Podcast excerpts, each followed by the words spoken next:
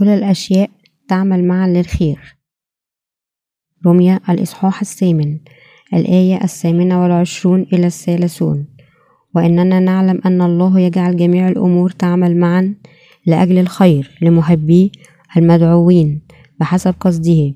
لأن الذين سبق فعرفهم سبق فعينهم أيضا ليكونوا مشابهين صورة ابنه ليكون هو البكر بين إخوة كثيرين. والذين سبق فعينهم فهؤلاء دعاهم أيضا والذين دعاهم فهؤلاء بررهم أيضا والذين بررهم فهؤلاء مجدهم أيضا. اليوم نود أن نتأمل في الفقرة السابقة من رسالة روميا الإصحاح الثامن. قبل أن الله قد سبق فدعانا ومجدنا نحن الذين في المسيح يسوع. ابن الله سنتحدث عن هذا وأيضا حول كيف يفهم الناس عقيدة التقديس التدريجي. يقول في رمية الإصحاح الثامن الآية الثامنة والعشرون إننا نعلم أن الله يجعل جميع الأمور تعمل معا لأجل الخير لمحبيه المدعوين بحسب, بحسب قصده. ينبغي أن نفكر حول من هم محبيه هل جميع الأمور تعمل حقا معا للخير؟ قال الله هذا من البداية قبل أن يخلق الله الناس. خطط أن يجعلنا شعبه طبقا لغرضه. وقد عمل هذا للخير في يسوع المسيح ابنه الوحيد. ونحن يجب أن نتذكر أنه في جنة عدن. كان هناك شجرة معرفة الخير والشر. لماذا زرع الله هذه الشجرة؟ كان يمكن أن يكون حال أفضل. إذا لم يكن الله قد زرع شجرة معرفة الخير والشر من الأساس. العديد من الناس متشوقون لمعرفة هذه النقطة. لكن كانت تلك هي خطة الله وهدفه العميق. الله خلق الناس ليجعلهم على صورته في الحقيقة البشرية. لم تكن تختلف عن باقي المخلوقات حتى قبلنا بر الله. لماذا زرع الله شجرة معرفة الخير والشر؟ لهذا نحن يجب أن نعرف السبب الذي لأجله أمر الله آدم وحواء أن لا يأكل من شجرة معرفة الخير والشر. ماذا كان السبب؟ كان لأجل أن يحفظ البشر تحت ناموس الله وأن يجعلنا أولاده بفدائنا خلال يسوع المسيح. كل بر الله مخفي في الكلمة.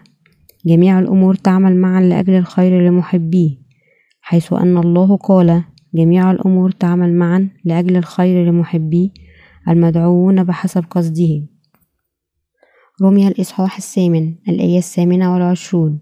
ولابد أن نجد الجواب للسؤال في إنجيل الماء والروح المعطى بيسوع المسيح. لكي نعمل هذا يجب أولا أن نعترف بإنجيل الله. إذا سندرك أن كل شيء يخططه الله يفعله هو صالح. لكن لكي نفهم هذه الحقيقة يجب أن نولد مرة ثانية بالإيمان بإنجيل الماء والروح ويجب أن نبحث عن الجواب في الإنجيل الذي أعطاه الله لنا. السبب الذي لأجله خلقنا الله ولأجله زرع شجرة معرفة الخير والشر في جنة عدن وسمح لآدم وحواء أن يأكلا منها. وجعلنا نعرف الناموس كان لكي يجعلنا أولاده ربنا الذي أنقذنا جميعا. سمح لكل هذا أن يحدث لكي يمكن أن يعطينا مغفرة الآثام. والحياة الأبدية والمجد والسماء. خلق الله الإنسان من التراب والبشرية. قد خلقت وولدت ضعيفة لذا كثيرا يشبهنا الكتاب المقدس بأوعية الطين. الله هو الذي هو الخزاف. شكل الإنسان من التراب وتنفس فيه حب الماء والروح وأعطانا حقيقة الماء والروح ليجعلنا أولاده الفخار المصنوع من الطين ينكسر بسهولة وهكذا خلق الله أولا جسد وروح الإنسان ضعيفين لكي يجعله ابنه وأكمل هدف يسوع الذي محى كل أسامي البشرية وكساهم بقداسة الله ليعطيهم حياة أبدية ويجعلهم يولدوا مرة ثانية بإنجيل الماء والروح.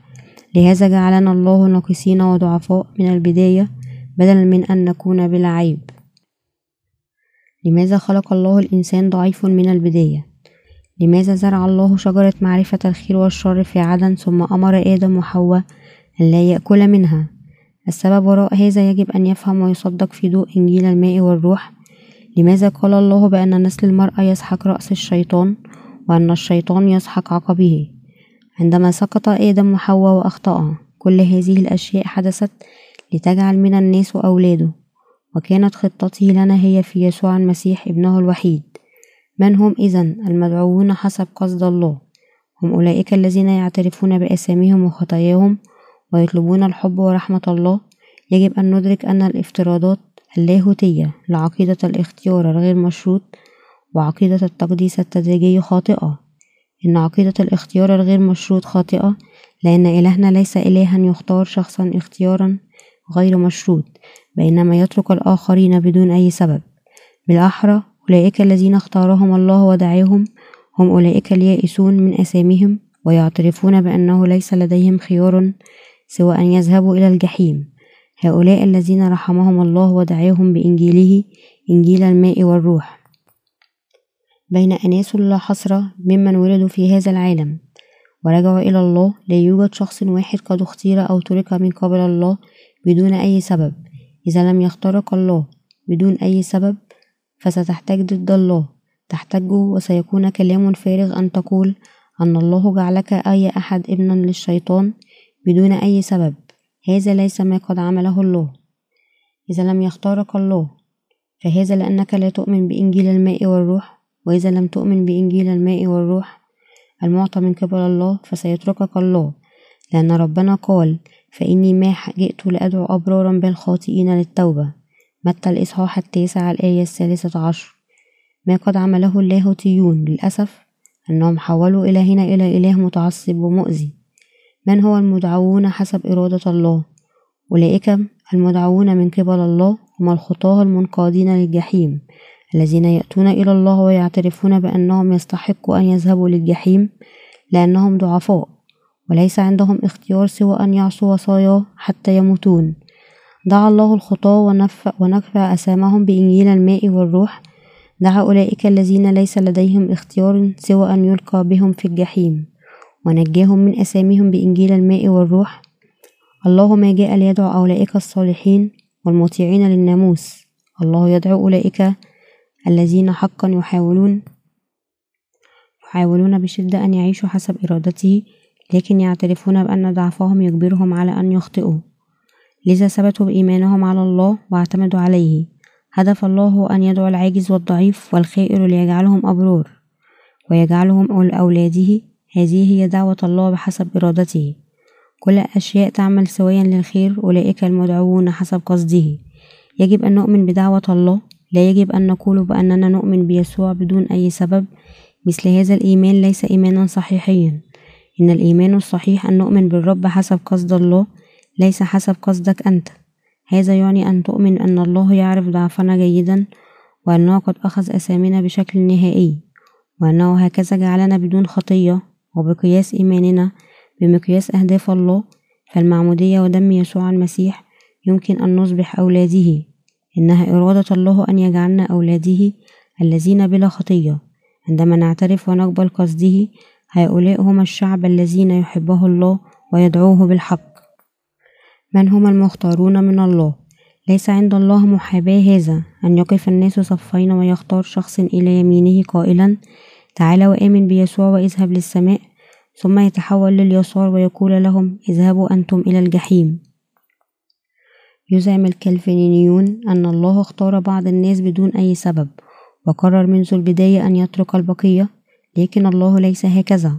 الله جعل كل الأشياء تعمل معا للخير لأولئك المدعوون حسب قصده والاعتقاد بأنه تم اختيارنا بلا شروط وبلا سبب هو اعتقاد فارغ. هل الله إذا له إله ظالم؟ بالتأكيد لا. الكل سواسية أمام الله وناموسه وكل الناس سواسية أيضا في الدينونة؟ نحن قد نلنا نعمة الخلاص من الله التي خلصتنا من أسامنا خلال يسوع المسيح وفرصة الإيمان بهذا الحق أيضا متساوية أمام كل شخص. هو يسمح لأولئك الذين يقبلون قصد الله ويعرفون ضعفهم أن يدركوا ويؤمنوا بإنجيل الماء والروح. ما هو المعنى الحقيقي؟ إذا لاختيار الله المسبق أنه بالنسبة لنا أن ندعى حسب قصد الله في إنجيل الماء والروح الذي قد أعطاه لنا. كان ذلك لأن الله أخذ أسامنا خلال يسوع وخطط لأن يجعلنا أولاده بولادتنا في هذا العالم وإعطائنا الفرصة لنصغي إلى الإنجيل. الله خطط كل هذا مسبقا في يسوع المسيح وكانت تلك هي خطة الله. عندما نأتي إلى حضرة الله يجب أن نفكر أولا هل نحن مثل يعقوب أم مثل عيسو؟ يخبرنا الكتاب المقدس أن الله أحب يعقوب بينما كره عيسو. يتحدث أيضا عن قايين وهابيل وأن الله أحب هابيل لكنه كره قايين. هل الله كره عيسو وقايين وأحب يعقوب وهابيل بدون أي سبب؟ لا. كان ذلك لأن عيسو وقايين وثقوا فقط في قوتهم الذاتية ولم يطلبوا رحمة الله بينما يعقوب وهابيل عرفوا ضعفهم وطلبوا رحمة الله ووثقوا بكلمته. يوضح الكتاب المقدس اختيار الله المسبق باستخدام هؤلاء الناس كمثال إلى أي جانب ننتمي. أيمكن أن نقابل الله إذا وثقنا في قوتنا الخاصة كما عمل عيسو لا نحن لا يمكن أن نقابله. الطريق الوحيد لنتقابل مع الله هو أن نقابله من خلال إنجيل الماء والروح المملوءان برحمة الله على أي من الجانبين نقف أمام الله. نحن الذين نريد أن نبارك في حضرة الله لكن نفشل دائما في عمل ذلك بسبب ضعفنا. مع ذلك نرغب أن نعيش طبقا لقصد الله. نحن ما زلنا ضعفاء وواهنون أمام الله. لذلك فإن الشيء الوحيد الذي يمكن أن نطلبه هو رحمته. لو رغبنا أن نبارك من قبل الله يجب أن نصبح مثل يعقوب ويكون عندنا الإيمان الذي كان عند هابيل. يجب أن نعترف أمام الله بحقيقة أننا ضعفاء وعاجزون وجبناء. مزمور المئة خمسة وأربعون الآية الرابعة عشر يقول يسند الرب كل العاثرين وينهض كل المنحنيين حقا. كل شخص ينحني سجودا. في حضور الله نحن ليس لدينا الشجاعة. نساوم لأجل أصغر المنافع ومذلين رغم أننا نبدو شجاعين في بعض الأوقات لكن ذلك يدوم فقط للحظات. لو نظرنا إلى حياتنا عن قرب يمكن أن نرى بسهولة كم نحن ضعفاء. نخضع للأقوياء حتى للكذبة الذين يرغموننا أن نترك الحق لكن الله قد دعا المذلول لكي يحب ويعطيه الخلاص في يسوع المسيح ويجعله من أولاده. نحتاج أن ندرك بالحق كم نحن ضعفاء وخطاة حتى يحبنا الله. يجب أن نتساءل هل يمكننا أن نطيع الناموس حقا إطاعة كاملة؟ يجب إذا أن ندرك سريعا أننا بالفعل لسنا قادرين على حفظ الناموس وأنه بحالتنا هذه لا يمكننا أن نعيش حياة كاملة. إذا كنت كامل فلن أحتاج إطلاقا لمخلص. إذا كنا كاملين فلماذا نحتاج مساعدة الله وبركاته؟ هذا لأننا ضعفاء جدا أمام الله الذي نحتاج بركاته نحتاج رحمته شفقة الله علينا قويت علينا حتى أنه أرسل ابنه الوحيد ووضع عليه كل أثامنا لكي يمحيها. والله نكل حكم الخطية على يسوع بدلا منا. لننجو نحن من الخطية. هذا ما يجب أن نؤمن به. بهذا الإيمان فقط يمكن أن نصبح أولاد الله المحبوبين وبهذه الرحمة التي قد لبسناها في حبه. وليس بسبب جهودنا الخاصة لننال الخلاص ومع ذلك يعلم العديد من المسيحيين عقيدة سبق الاختيار ويتبعونها. كما تشعرهم هذه العقيدة بالقلق لأنهم يتساءلون دائما إذا كان الله اختارهم أم لا. هاتان العقيدتان تشكل نسبة تسعون في المئة من علم اللاهوت الكالفيني وتساؤلهم هنا هو هل على الرغم من إيمانهم بيسوع تم اختيارهم حقا أم لا؟ هذا ما يقلقهم لكن ليس الأهم هل هو أنت, أنت مختار أم لا؟ بالأحرى المهم لك هو أن تؤمن بإنجيل الماء والروح لكي تخلص بقبول بر الله. أولئك الذين أخذوا بر الله هذا الإيمان هم المختارين. كان هناك مرة دكتور في علم اللاهوت وكان يعتبر كواحد من سادة علم اللاهوت المحافظ وأضاف قيمة عظيمة في التعاليم الكالفينية مثل عقيدة التعيين المسبق والاختيار الإلهي. في يوم من الأيام كان يلقي محاضرة حول هذه المواضيع فسأل طالب إذا هل اختارك الله كيف يمكن أن تعرف من قد من قد اختاره الله؟ أجاب اللاهوتي من يمكن أن يعرف ذلك؟ سنكتشف ذلك فقط عندما نقف أمام الله. فسأل الطالب ثانيا إذا ماذا تعمل عندما تذهب أمام الله؟ ويقول بأنه لم يختارك. أجاب الأستاذ ماذا يمكن أن أعمل حول ما قد قرره الله مسبقا بنفسه؟ لهذا قلت بأنك ستعرف فقط عندما تقف أمام الله. فكر الطلاب يا له من رجل متواضع جدا حتى إن شخص عظيم مثله يقول بأنه لا يعرف إن كان مختار أم لا. لذا من طبيعي أن لا يمكن لأحد أن يعرف سواء كان هو مختار أم لا. لكن الحقيقة المخفى بها بر الله قد أظهرت الآن بوضوح. كان هناك بضعة أشياء أخفاها الله عن الإنسان لكنه أظهرها في الوقت المناسب. كيف يمكن للإنجيليين أن يعظوا بالإنجيل في حين أنهم لا يعلمون إن كانوا قد خلصوا أم لا؟ أولئك المدعوون من قبل الله هم الذين يؤمنون ببر الله. تكرر رمية الإصحاح الثامن الآية التاسعة والعشرون لأن الذين سبق فعرفهم سبق فعينهم. أيضا ليكونوا مشابهين صورة ابنه ليكون هو البكر بين إخوة كثيرين. الله الآب سبق فعين أن نتوافق مع صورة ابنه الوحيد يسوع المسيح لكي يكون بكرا بين إخوة كثيرين. هنا يدعى يسوع البكر. إذا آمنا بيسوع وبإنجيل الماء والروح الذي أعطاه لنا فسنخلص من كل أثامنا ونصبح أولاد الله. إذا ماذا يكون يسوع بالنسبة لنا؟ سيكون أخانا الأكبر سنا. هو بكر الله ونحن إخوته وإخواته الأصغر. منذ زمن بعيد عندما كنت أعيش في دار للصلاة زارني إنجيلي مسن. كان قد بدأ الإيمان بيسوع عندما كان في الصين. وبعد ذلك جاء إلى كوريا. سمعته يصلي ذات يوم ويقول الأخ يسوع والله الآب شكرا جزيلا على خلاصك لي. الأخ يسوع رجاء ساعدني. يسوع هو أخونا. لربما نتساءل إن كان الله يعرف كل شيء عنا. إن الجواب نعم هو يعرف كل شيء عنا. الله الآب يعرف كل شيء عنا وهو خطط لخلاصنا من أثامنا من خلال ابنه الوحيد قبل خلق العالم. هذه كانت خطة الله. ابنه يسوع جاء للعالم وتعمد وصلب لكي يخلصنا من أثامنا الله قد خطط ذلك مسبقا. نحن لربما نقول بأن الله أسس العالم دعم مؤتمر الثالوث. الله الثالوث الآب والابن والروح القدس مخططا أن ينجي أولئك الذين يؤمنون ببره. وخطتي كانت أن يخلق الناس ويجعلهم أولاده ليعيشوا معه في ملكوته الكامل. الآب والابن والروح القدس كلهم اتفقوا على الخطة. ثم في أثناء عملية التفكير في كيف يجب أن يخلق الإنسان ويجعل البشرية أولاده خطط الله أن يرسل الابن يسوع إلى العالم ويجعله يتعمد ويموت على الصليب لكي يتوافقوا مع صورة ابنه. ماذا قصد الله بخلقنا؟ قصد أن نصبح أولاده؟ هل يسوع هو بكر الله؟ نعم إنه كذلك. ولأننا قد أصبحنا أولاد الله فنحن أيضا إخوته. أثناء حياته على هذه الأرض لمدة ثلاثة وثلاثون سنة جرب يسوع كل الضعف الإنساني والوهن. لهذا عندما نصلي نقول يا يسوع أنا ضعيف جدا. هكذا أنا رجاء ساعدني وأحميني. حول قلوب الناس لكي يقبلوا كلمتك واحفظهم. أعطي نعمة وساعدهم يسمع الرب ويجيب صلاتنا.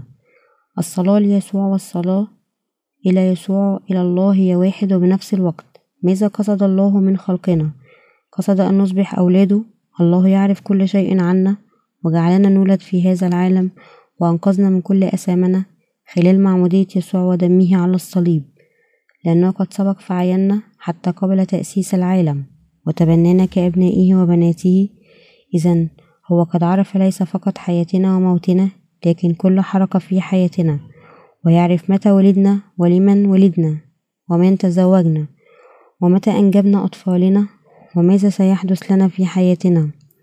الله الذي يعرف كل شيء في حياتنا أعطانا إنجيل الماء والروح لكي نؤمن بيسوع ونصبح أولاد الله. الله قد سبق فعرفنا وسبق فعينا. رمي الإصحاح الثامن الآية الثلاثون تكرر. والذين سبق فعينهم فهؤلاء دعاهم أيضا. والذين دعاهم فهؤلاء بررهم أيضا. والذين بررهم فهؤلاء مجدهم أيضا. لا يمكنني أن أؤكد أكثر أه كم أهمية أن نفهم هذه الآية ونؤمن بها. يأخذ العديد من الناس الآية السابقة ليدعموا عقيدة التقديس التدريجي. مستندين على هذه الفقرة أن يسوع سبق فعينا ودعانا بررنا ومجدنا ويدعونا أنه سبب بهذا بالرغم من أننا عندنا خطية في قلوبنا إلا أن الله يعتبرنا بدون خطية وأننا بعد المرور خلال فترة التقديس سنصبح ممجدين كما لو أن هناك درجات خلالها نصبح مقدسين. ألم يسبق الله فعين كل الخطاة مدعوين في يسوع المسيح؟ دعانا كلنا وحتى الآن بعض الناس لا يردون على دعوته هم مثل عيسو وقايين الذين أرسلوا إلى الجحيم. في رحمة الله الله الآب خطط أن يدعونا في ابنه الوحيد يسوع المسيح وسبق فعينا للتبني كأبنائه بمحو أسامنا بالماء والدم. الناس الذين ما زالوا لا يذهبون لله حتى عندما دعاهم كلهم هم خارج خلاص الله مثل هؤلاء الناس مستثنون من نعمته مقيدين للجحيم لكن هناك أيضا أناس أطاعوا نداء الله وقالوا يا رب مع أنني ضعيف في هذا هل تقبل أحد مثلي؟ يقول الله بالطبع سأقبلك. حقا هل ستقبلني رغم ضعفي؟ بالطبع سأقبلك. يا رب ليس عندي شيء خاص لأقدمه لك وحتى لا أستطيع أن أعدك بأنني سأكون صالحا من الآن. سأظل أقبلك. لست متأكد إذا كنت سأتحسن حتى أنني ليس عندي المقدرة أن أعمل هذا. سأظل أقبلك. ولربما لأنك لا تعرفني يخيب توقع في ألا نشعر عادة بالحرج؟ كما لو أنني أريد أن نخفي في مكان ما عندما نعرف حالتنا ولكن نجد أحدا يقول بأنه يثق بنا حقا. لماذا نريد أن نختفي؟ نريد أن نختفي لأننا لسنا قادرون أن نتحسن وحتى أننا لا يمكننا أن نحافظ على ما قد عملناه حتى الآن. لهذا نستمر في أسئلتنا. هل تقبلني مع أنني ضعيف؟ هل تقبلني حقا؟ هل حتى أنا مسموح لي أن أؤمن بك؟ هل يمكن لأحد مثلي أن يأخذ مغفرة الآثام؟ هل يمكن لأحد مثلي أن يصبح بار حتى رغم أنني لن يحتمل أن أكون قادر على أن صالح في المستقبل؟ لكن إلهنا إلهنا عنده القوة أن يحول شجرة زيتون برية إلى شجرة زيتون مفلوحة. نحن كنا بالأصل أشجار زيتون برية بالطبيعة لكننا أصبحنا أشجار زيتون مفلوحة بالإنجيل الذي قد أعطاه لنا يسوع. دعانا نحن الذين لا يمكن إلا أن نخطئ. هل دعانا عندما كنا ضعفاء فقط قليلا؟ دعانا حتى عندما كانت قدرتنا ضعيفة تماما. دعانا في يسوع المسيح على الرغم من عيوبنا الخطيرة وضعفنا الشديد دعانا نحن الذين كنا واهنين ماذا فعل بعد أن دعانا أخذ كل أثامنا وأعطانا بره لكي يمكن أن يكون لنا حياة أبدية. كيف عمل كل هذه الأشياء؟ في الإصحاح الثالث من إنجيل متى؟ قيل بأن يسوع قد جاء إلى العالم وعمد لكي يكمل كل بر. ودعاه الله للبشرية يسوع قد عمد من قبل يوحنا أخذ على نفسه كل أسامي البشرية ومات على الصليب حاملا كل أسامهم. وقام ثانيا من الموت في اليوم الثالث ليخلصهم من أسام العالم وأعطانا حياة جديدة. وبعمله هذا بررنا ومحى كل أسامنا يسوع دعانا ومحى أسامنا بالماء والدم وأعطانا بر الله. وجعلنا بدون خطية وبعد ذلك مجدنا نحن الذين تبررنا جاعلا منا أولاد الله. يسوع مجدنا لندخل السماء ونعيش إلى الأبد كأولاد الله. هل تفهم هذا؟ لكن العقائد الدينية تعلم هذا أنه على الرغم من أنك خاطي لكنك إذا آمنت بيسوع فستكون مقدس بشكل تدريجي. في حينه وأنه حين يأتي وقت الموت ستقف أمام الله كشخص كامل. هذا ضد الحق. هذا ليس الإيمان الحقيقي. فإيمان عقيدة التقديس ليس صحيحا. الرب خلصنا من أسامنا والله سبق فعينا ودعانا ومحى أسامنا بالماء والدم وجعلنا أولاده وقدسنا وباركنا لكي يمكن أن ندخل ملكوت الله في المجد. هذه هي الحقيقة وهكذا تكلم عن الحقيقة وضع كل البركات في يسوع المسيح في جملة واحدة. هذه الفقرة لا تتحدث عن المراحل السبعة من عقيدة التقديس التدريجي. إنه لا يقول بأننا نصبح كاملين بشكل تدريجي بمرور الوقت خلال المراحل السبعة لنصبح مقدسين بالكامل. رمي الإصحاح الثامن. الآية الثلاثون. لا تقولوا أن الله سيدعونا بعد أن نؤمن بيسوع أو أننا نصبح مقدسين. كلما كبرنا في السن. هو أيضا لا يقول بأننا نصعد سلم التقديس تدريجيا. خطوة في خطوة حتى تصل أخيرا للتقديس الكامل. عندما عرفنا يسوع المسيح ويسوع دعانا غفر أسامنا بشكل نهائي بالماء والدم. عندما نأتي إلى الله بإنجيل الحقيقة سيأخذنا بين ذراعيه. بعض الناس يقولون أنا حتى ما عرفت أسامي من قبل لكن بعد سماع العظة بدأت أن أدركها. هناك واحد أو اثنين من الخطايا أتذكرها من الماضي وأنا من المحتمل أن أستمر على أخطائي في المستقبل. لذا أنا لا أعتقد أنني يمكن أن أؤمن بالله لكن ذلك ليس صحيح. بدلا من ذلك نحن يجب أن نفكر بمثل هذا. أو ذلك صحيح. أنا ما عرفت أسامي حتى وأنا أرتكبهم. كل كلمة الله صحيحة. أنا يجب أن أؤمن بكلمته. لكن أنا لست بقادر أن أعيش طبقا لها. أنا حتما آثم خطير. مصيره الجحيم. لهذا جاء يسوع. نحن قد جعلنا بدون خطية. فالإيمان بيسوع وقبول مغفرة الآثام. وأصبحنا مقدسين وجعلنا أولاد الله. حيث أننا أصبحنا أولاد الله فنحن قادرين أن ندخل السماء ونمجد. هذا هو بر الله والحق. الله سبق فعينا ودعانا بررنا ومجدنا. ولربما تعتقد بأن عقيدة التقديس عقيدة التقديس التدريجية صحيحة قائلا. أنا سأتغير بشكل تدريجي وأصبح شخص بدون خطية لكنك تتبرر وتتقدس معا في نفس اللحظة التي تؤمن فيها بإنجيل الماء والروح ولا يتغير قلبك على مراحل. قلبك في الحال يصبح بدون خطية لكن إيمانك هو الذي ينمو بشكل تدريجي كلما آمنت بكلمة الله وكنيسته. إيماننا ينمو بشكل تدريجي كلما تغذينا بكلمة الله لنصل في النهاية لمرحلة تعليمية تعلمنا الآخرون. لكن القول بأننا نصبح أولاد الله بعد أن نصبح أكثر كمالا وبدون خطية ليس يستند على الكتاب المقدس فنحن نصبح مقدسين وبلا خطية معا في نفس اللحظة.